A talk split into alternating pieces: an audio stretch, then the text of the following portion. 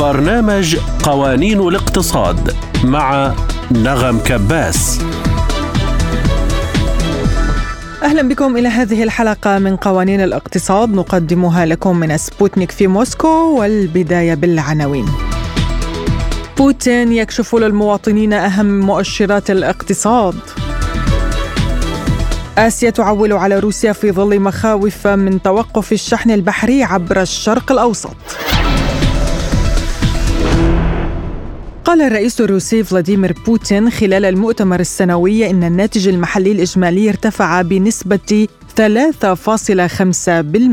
أهم عامل لنمو الاقتصاد هو نمو الناتج الإجمالي المحلي فهو 3.5% في نهاية العام وهذا يعني أننا استطعنا تعويض ما كان في السنة الماضية وفي هذا في هذه السنة كان ال 3.5 نمو. هذا يعني أننا عوضنا ما كنا قد خسرناه في العام الماضي. وخطوة إلى الأمام. وللأسف لقد نمأ التضخم ووصل إلى 7.5% في نهاية العام ويمكن أن يكون 8% ولكن البنك المركزي والحكومة تتخذ الإجراءات المطلوبة و يجري الحديث عن تعديل سعر الفائدة في بعض الأحيان ولكن أعتقد أننا سوف نستطيع أن نصل إلى الأرقام المرجوة وأن ينمو الصناعة بنسبة 3.6%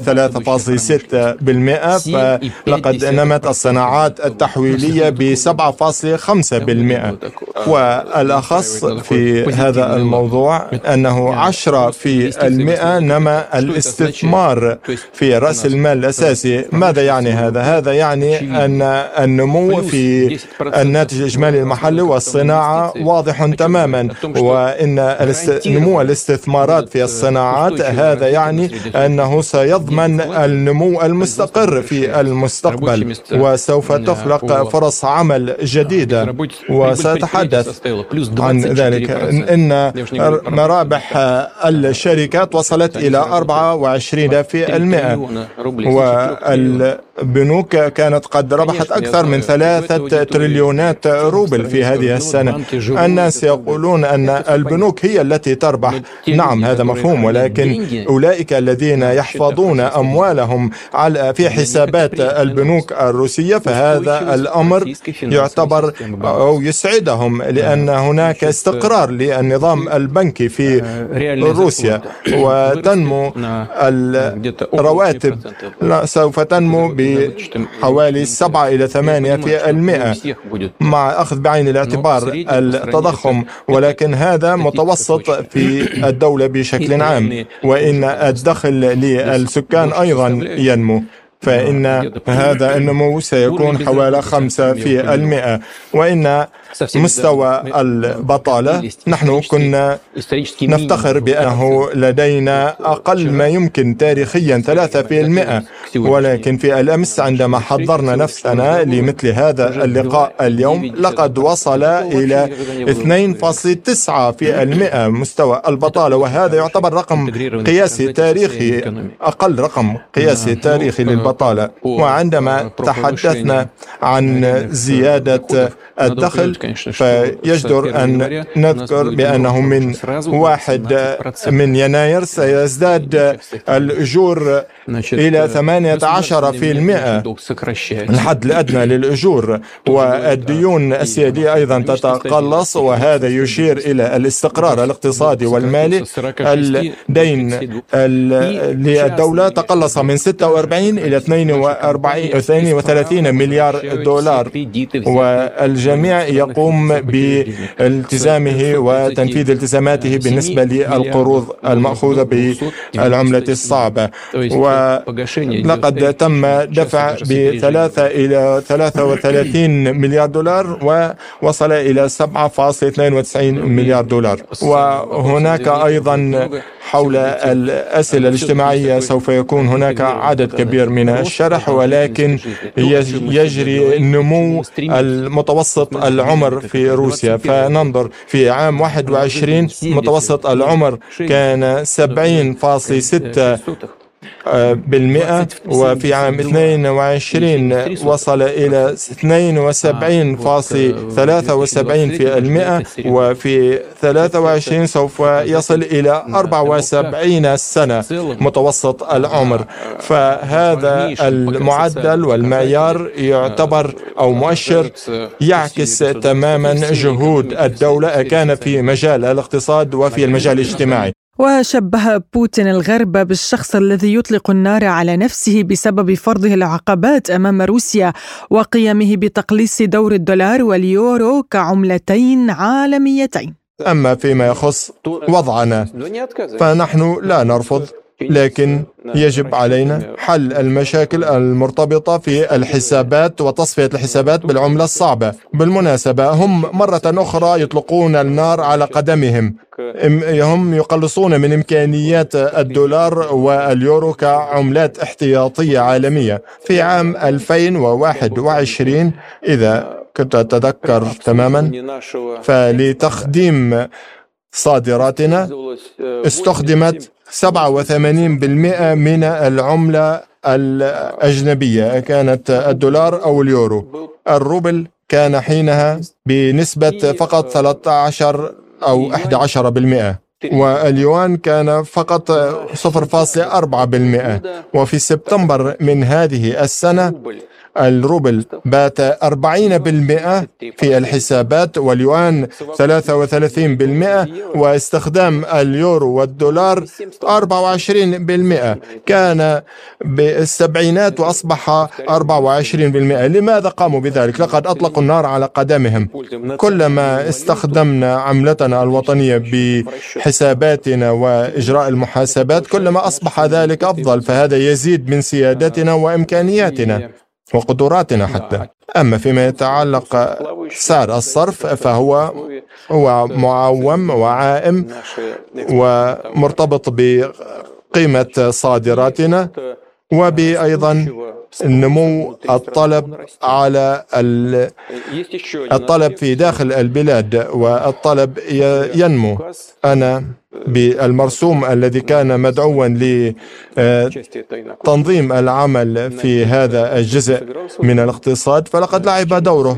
بماذا هذا مرتبط؟ هذا مرتبط بأنه في الحالة السابقة في السنوات السابقة لم يكن هناك حاجة لأية قيود لأننا حصلنا على معلومات كافية من تلك الدول التي يوجه إليها الصادرات وكان معروف حركة رأس المال. أما الآن فنحن لا نحصل على معلومات فلقد أغلقوا هذه المعلومات. الحكومات والحكومة و البنك المركزي لا يرون ما الذي يجري مع آه، آه، صادراتنا والموارد التي يحصل عليها مصدرين. فلقد ظهر لدى الحكومة رغبة في معرفة كيف يتم ادخار الروبلات وكيف تتحرك. فهناك عناصر في المتابعة فهي وأنا أنطلق بأن هذا سوف ينتظم ولكن هذا مؤقت ولكن بشكل عام فإن الوضع في السوق المالية مستقر والمهم هو الحفاظ على الاستقرار والقدرة على التنبؤ وهذا ما نسعى إليه في هذا الهدف. ولتحليل البيانات الاقتصادية التي أفصح عنها بوتين ينضم إلينا عبر الهاتف الخبير الاقتصادي والأستاذ الزائر في جامعة التمويل الروسية الدكتور نور ندى. أهلا بك دكتور نور في قوانين الاقتصاد ونبدأ من ما قاله بوتين وما هي احتمالات استخدام العملات الوطنية حصرا في المعاملات التجارية؟ آه، أولا آه، يعني آه، يوما سعيد ليكي ولكل السادة المستمعين ولإذاعة سبوتنيك الرائعة. في الحقيقة لو بصينا للمؤشرات القادمة من روسيا المؤشرات الاقتصادية والتي أشار إليها الرئيس فلاديمير فلاديميروفيتش بوتين بتقول إن المكون الوطني أو العملة الوطنية الروسية زادت حصتها في تسوية المعاملات الدولية إلى 40% وهذا مؤشر في الحقيقة إيجابي جدا. وواضح إن في تناقص ملحوظ في حصة الدولار واليورو في تسوية المعاملات الخارجية الروسية. وده مؤشر إلى جانب يبدو أمام البعض أنه مؤشر نقدي أو مؤشر اقتصادي لكن في تقديري الشخصي أنه مؤشر سياسي إنه بيعني استقلال المزيد من الاستقلال ومزيد من ال ال يعني البعد عن الهيمنة الأمريكية التي تمارس هيمنتها على اقتصاديات العالم من خلال هيمنة الدولار على المعاملات وتسوية المعاملات التجاريه على مستوى العالم. وكما نعلم جميعا انه منذ سنة 44 آه، في مؤتمر بريتون وودز إلى الآن الدولار لعب دور مهم جدا وكان في الحقيقة بيمثل في الماضي يعني قبل آه العملية العسكرية الخاصة الروسية في أوكرانيا كان بيمثل الدولار حوالي 90 إلى 95% من تسوية المعاملات العالمية التجارية العالمية. الآن مع بعد هذه العملية ومن خلال نشاط مجموعة البريكس آه وانشطه أخرى تقوم بها دول تسعى من أجل الاستقلال الاقتصادي والتجاري.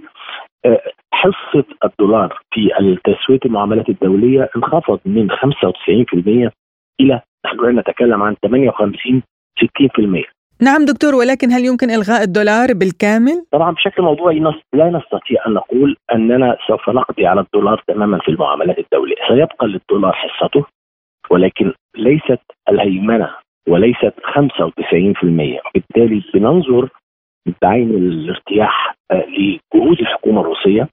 وكما نقول في المثل العربي رب دارة نافعة. ويبدو أن هذا الحصار وهذه العقوبات الاقتصادية الشاملة التي يتعرض لها الاقتصاد الروسي الآن قد عظمت من قدرات روسيا الوطنية. ويبان ذلك حتى في معدل النمو الاقتصادي حوالي 3.5% معدل النمو الصناعي حوالي 6% التضخم رغم إن أوروبا بتعاني 10 وبعض الدول في المية وبعض الدول 14% وبعض الدول في الشرق الأوسط 30 و35% إلا إن أن التضخم في روسيا يتراوح ما بين 7 و 8% معدل البطالة في روسيا منخفض تماما. لما اتكلم عن 2.9 من 10% ده معناه إن تقريبا المجتمع في حالة تشغيل كامل. الاستثمارات بتزيد رغم الحصار ورغم العقوبات الاستثمارات الأجنبية والروسية بتزيد بمعدل حوالي 10% ده مؤشر إيجابي جدا للغاية وبدأ يعني أنا متابع جدا لقاءات الرئيس الروسي مع العلماء الروس الشباب ومع دعمه لتصنيع التكنولوجيا. ويبدو أن روسيا الآن تبتعد رويدا رويدا عن الهيمنة. ليس فقط هيمنة الدولار وليس فقط هيمنة العملة الأمريكية على اقتصادات العالم وعلى اقتصاد روسيا كمان. آه، آه، آه، روسيا تتحرك في اتجاه التحرر حتى التكنولوجي. يعني اعتماد روسيا في فترة ما كان جزء من الصناعة الروسية مرتبطة بمكونات تكنولوجية أوروبية، روسيا بدأت تصنع التكنولوجيا وبالتالي روسيا بدأت تدخل مرحلة استقلال اقتصادي حقيقي. وأعتقد إن حركة البريكس بتمثل عمق استراتيجي للسياسة الخارجية الروسية التي تسعى إلى إنهاء الهيمنة الدولارية أو الهيمنة النقدية الأمريكية على اقتصاد العالم وصناعة عالم جديد متعدد الأقطاب. آه هيجي بالراحة ولكن دائما على فكرة كل تحول وكل انتقال اقتصادي من نظام إلى نظام آخر بيتم من خلال آه للأسف حروب ومن خلال قتل ودمار يعني النظام الاقتصادي الحالي اللي إحنا عايشين بيه هو أدوات البنك الدولي وصندوق النادي الدولي ومنظمة التجارة العالمية أتى بعد الحرب العالمية الثانية اللي العالم قدم ملايين آه، الضحايا والشهداء. روسيا وحدها أو الاتحاد السوفيتي لوحده قدم آه، شهداء ما يربو على ال 30 مليون شهيد. الآن لو نظرت في العالم هتلاقي إن في في غرب أفريقيا في صراع في السودان في صراع في اليمن في صراع في سوريا في صراع في العراق في صراع في في غزة في صراع الأراضي الأوكرانية في صراع. هذه الصراعات الحقيقة هي محاولة من النظام الرأسمالي الاقتصادي العالمي إنه يخرج آه، من أزمته الحالية. دائما كل أزمة بيعيشها النظام الرأسمالي آه، بيصنع حرب عشان يخرج من هذه الأزمة. وفي الغالب بعد كل صراع ومع ومع كل تضحية إنسانية يسعى العالم إلى صناعة أو نظام اقتصادي عالمي جديد يكون أكثر عدلا. وأعتقد إن يعني المستقبل القريب سوف نشهد عالم جديد متعدد الأقطاب ونظام اقتصادي جديد ومنظمات دولية جديدة خاصة أن منظمة الأمم المتحدة والبنك الدولي وصندوق النادي الدولي ومنظمة التجارة العالمية المنظمات الدولية تقريبا لم تلعب دور في وقف العقوبات والحصار الاقتصادي الشامل الذي تعرض له آه، روسيا والذي تتعرض له على فكرة دول كثيرة ليس فقط روسيا. يعني الصين بتتعرض للحصار، إيران بتتعرض للحصار، فنزويلا بتتعرض للحصار، سوريا الشقيقة بتتعرض للحصار وبالتالي نحن أمام عالم جديد قادمين عليه من غير الهيمنة الأمريكية. ومن غير الدولار الامريكي. نعم دكتور استنادا إلى المؤشرات التي كشف عنها بوتين، هل يمكن لروسيا العودة إلى المؤشرات المستهدفة؟ أعتقد إن يعني في الإمكان يعني وفي ومن المحتمل الذي يعني يقترب من التأكيد أن روسيا قادرة على الوصول إلى هذا المعدل يعني روسيا قادرة النهارده لو بنتكلم على رغم هذه الظروف روسيا عاملة معدل تنمية 3.5% 3.5% الآن. على فكرة العالم كله يعاني من انخفاض مؤشرات النمو خاصة بعد كورونا وفي ظل الحروب المنتشرة في العالم دي. أعتقد إن جميع العالم يعاني من انخفاض في معدلات النمو. آه، روسيا قادرة؟ نعم روسيا قادرة. ولكن أعتقد إن روسيا قد تعلمت الدرس وسوف تكون قادرة بالاعتماد الزيادي على قوتها.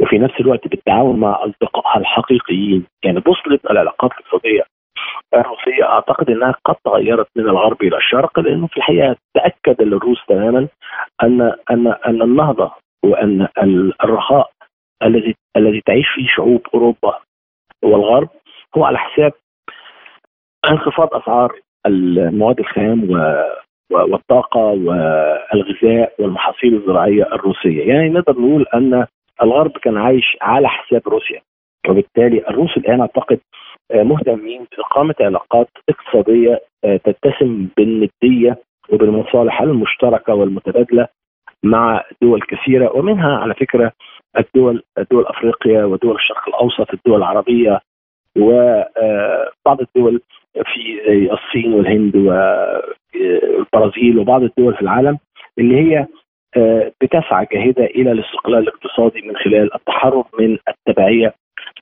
إلى النظام الذي تهيمن عليه الولايات المتحدة الأمريكية. يعني دكتور يمكن القول إن العقوبات الغربية أدت فقط إلى تعزيز الاقتصاد الروسي؟ صحيح صحيح يعني أنت لو تشوفي الغريب بقى إن من عجائب الأشياء أن كل الدول التي فرض عليها الحصار حدث بها نمو اقتصادي ونمو صناعي ونمو تكنولوجي هائل يعني شوفي إيران ما إيران برضك بتتعرض للحصار وللعقوبات. الصناعة والتكنولوجيا الإيرانية تتقدم بمعدلات عالية جدا.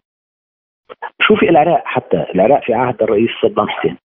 كانت تتعرض للحصار وكانوا يعني في ظروف اقتصادية صعبة جدا. إلا إن في هذه الفترة كان آه، مستوى التكنولوجيا والتعليم والصناعة آه، في العراق كان متقدم حتى عن دلوقتي. لو بصينا إلى روسيا روسيا أعتقد إنها يعني إلى أخذت فترة روسيا خلينا نتكلم بموضوعية آه، عشان تستوعب آه، ما حدث. لأن ما أعتقدش إن روسيا كانت متوقعة أنه سوف يفرض عليها عقابا آه، أو حصارا اقتصاديا وعقوبات شاملة كما فرض الغرب. يعني الغرب في ممارسته وفي علاقته مع روسيا أثبت إنه مجنون أكثر مما تتوقع. هو مجنون ومنحرف أكثر مما توقعت.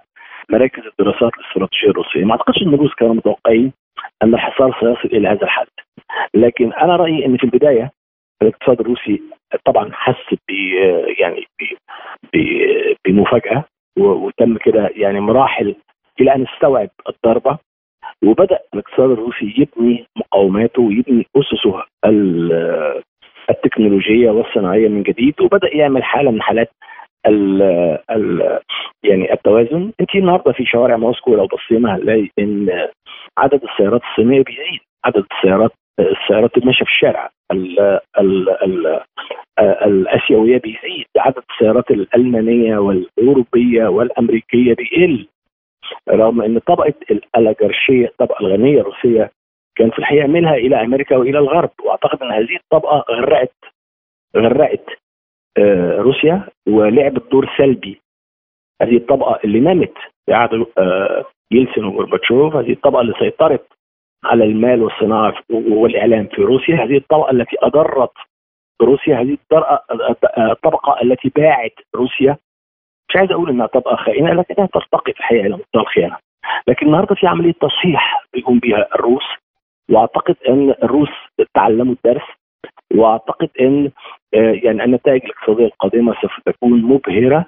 وطبعا روسيا دولة ما أقدرش اسال الصين. يعني الصين دولة يعني الاقتصاد الثاني أو الأول في العالم لكن روسيا سوف تلعب دور مؤثر في التوازن الدولي وفي العلاقات الاقتصادية الدولية فيما بعد الحرب وفي بداية عالم جديد متعدد الأقطاب. بما أنك ذكرت الصين، هل تعتقد أن العلاقات الاقتصادية مع الصين ساعدت روسيا في تجاوز العقوبات وآثارها؟ لا شك إن العلاقة مع الصين ومع الهند تحديدا فتحت آفاق أمام الاقتصاد الروسي كي يخرج من ازمته.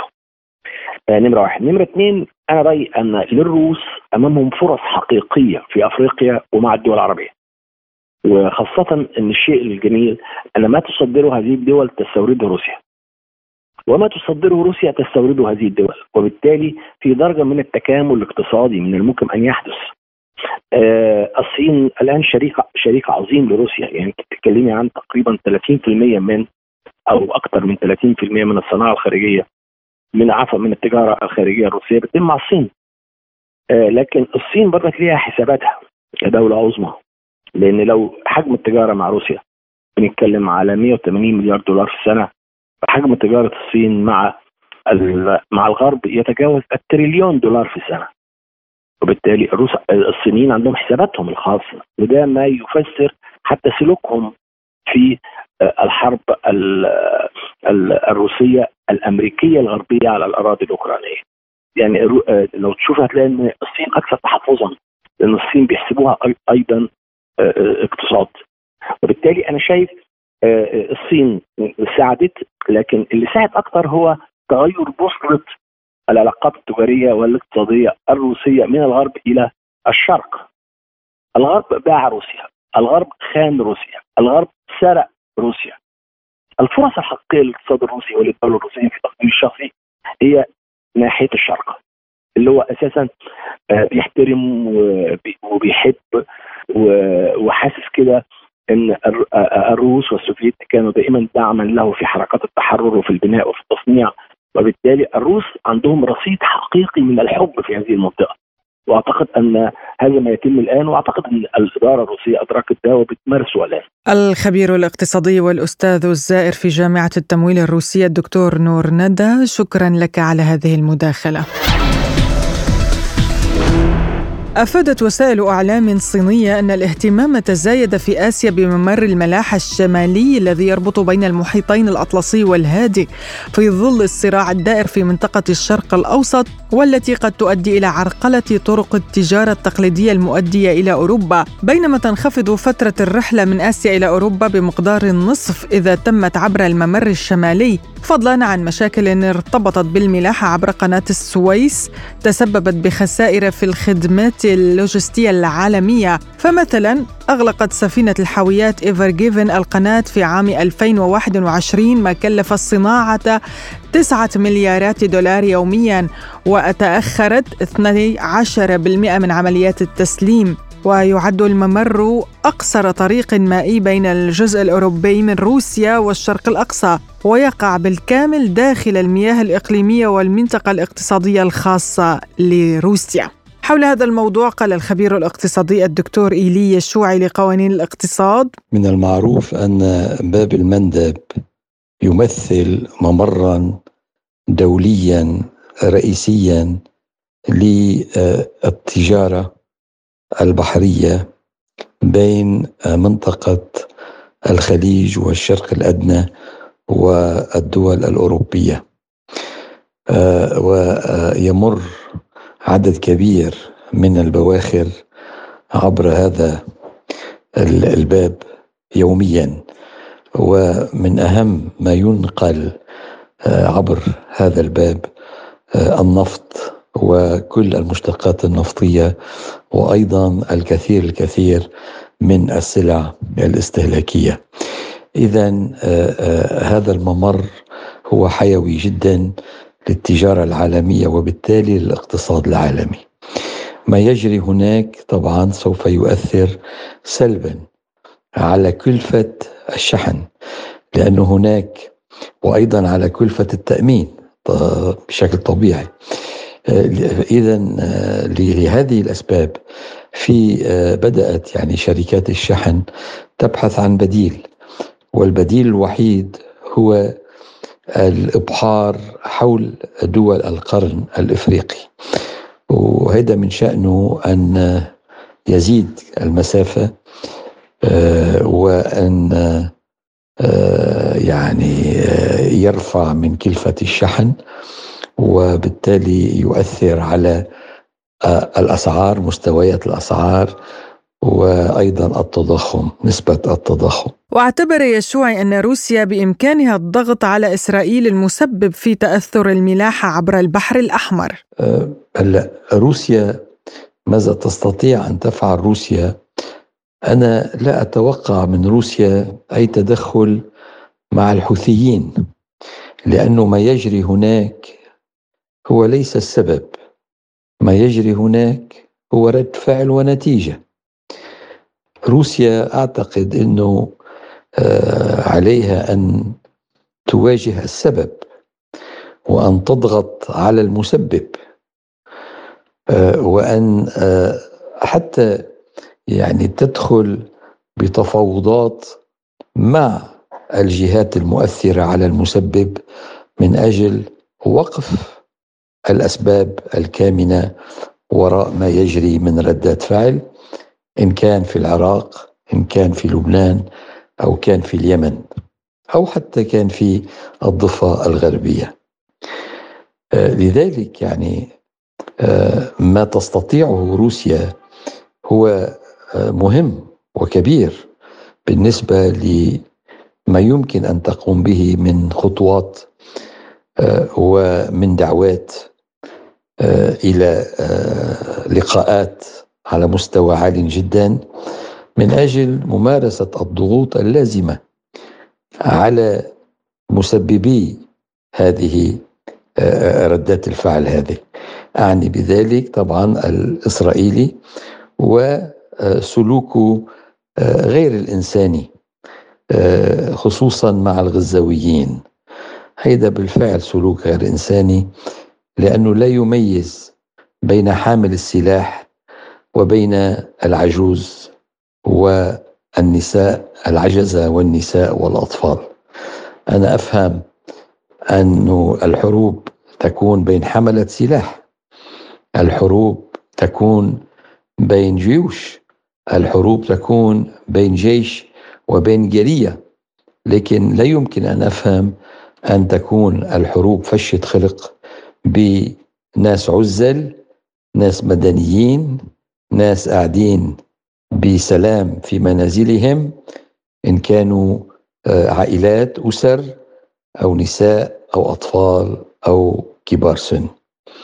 لذلك روسيا أعتقد أنه تدخلها يجب أن يكون إما مباشرة مع الإسرائيلي وإما بطريقة غير مباشرة مع كل الجهات الدولية التي لها تأثير مباشر على الإسرائيلي. ورأى يشوع أن العقوبات لا تؤثر على التجارة مع روسيا. تستطيع روسيا أن تخرق العقوبات على تلك الدول وأن تبني معها علاقات خاصة تجارية وتكنولوجية وتبادل خبرات وإلى آخره وسياحية.